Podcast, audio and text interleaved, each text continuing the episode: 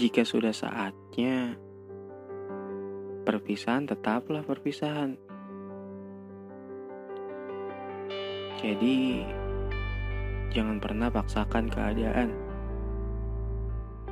Meski pahit, perpisahan mengajarkan yang ditinggalkan untuk menghargai sebuah pertemuan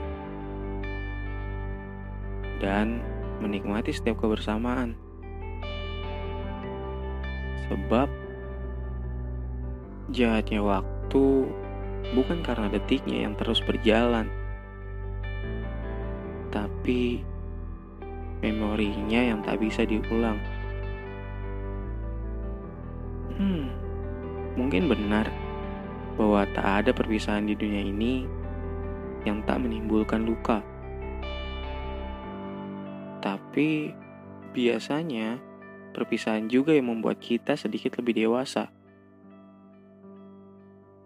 Jadi, biar saja takdir menentukan. Jika memang waktunya, yang pergi bisa saja tuh kembali.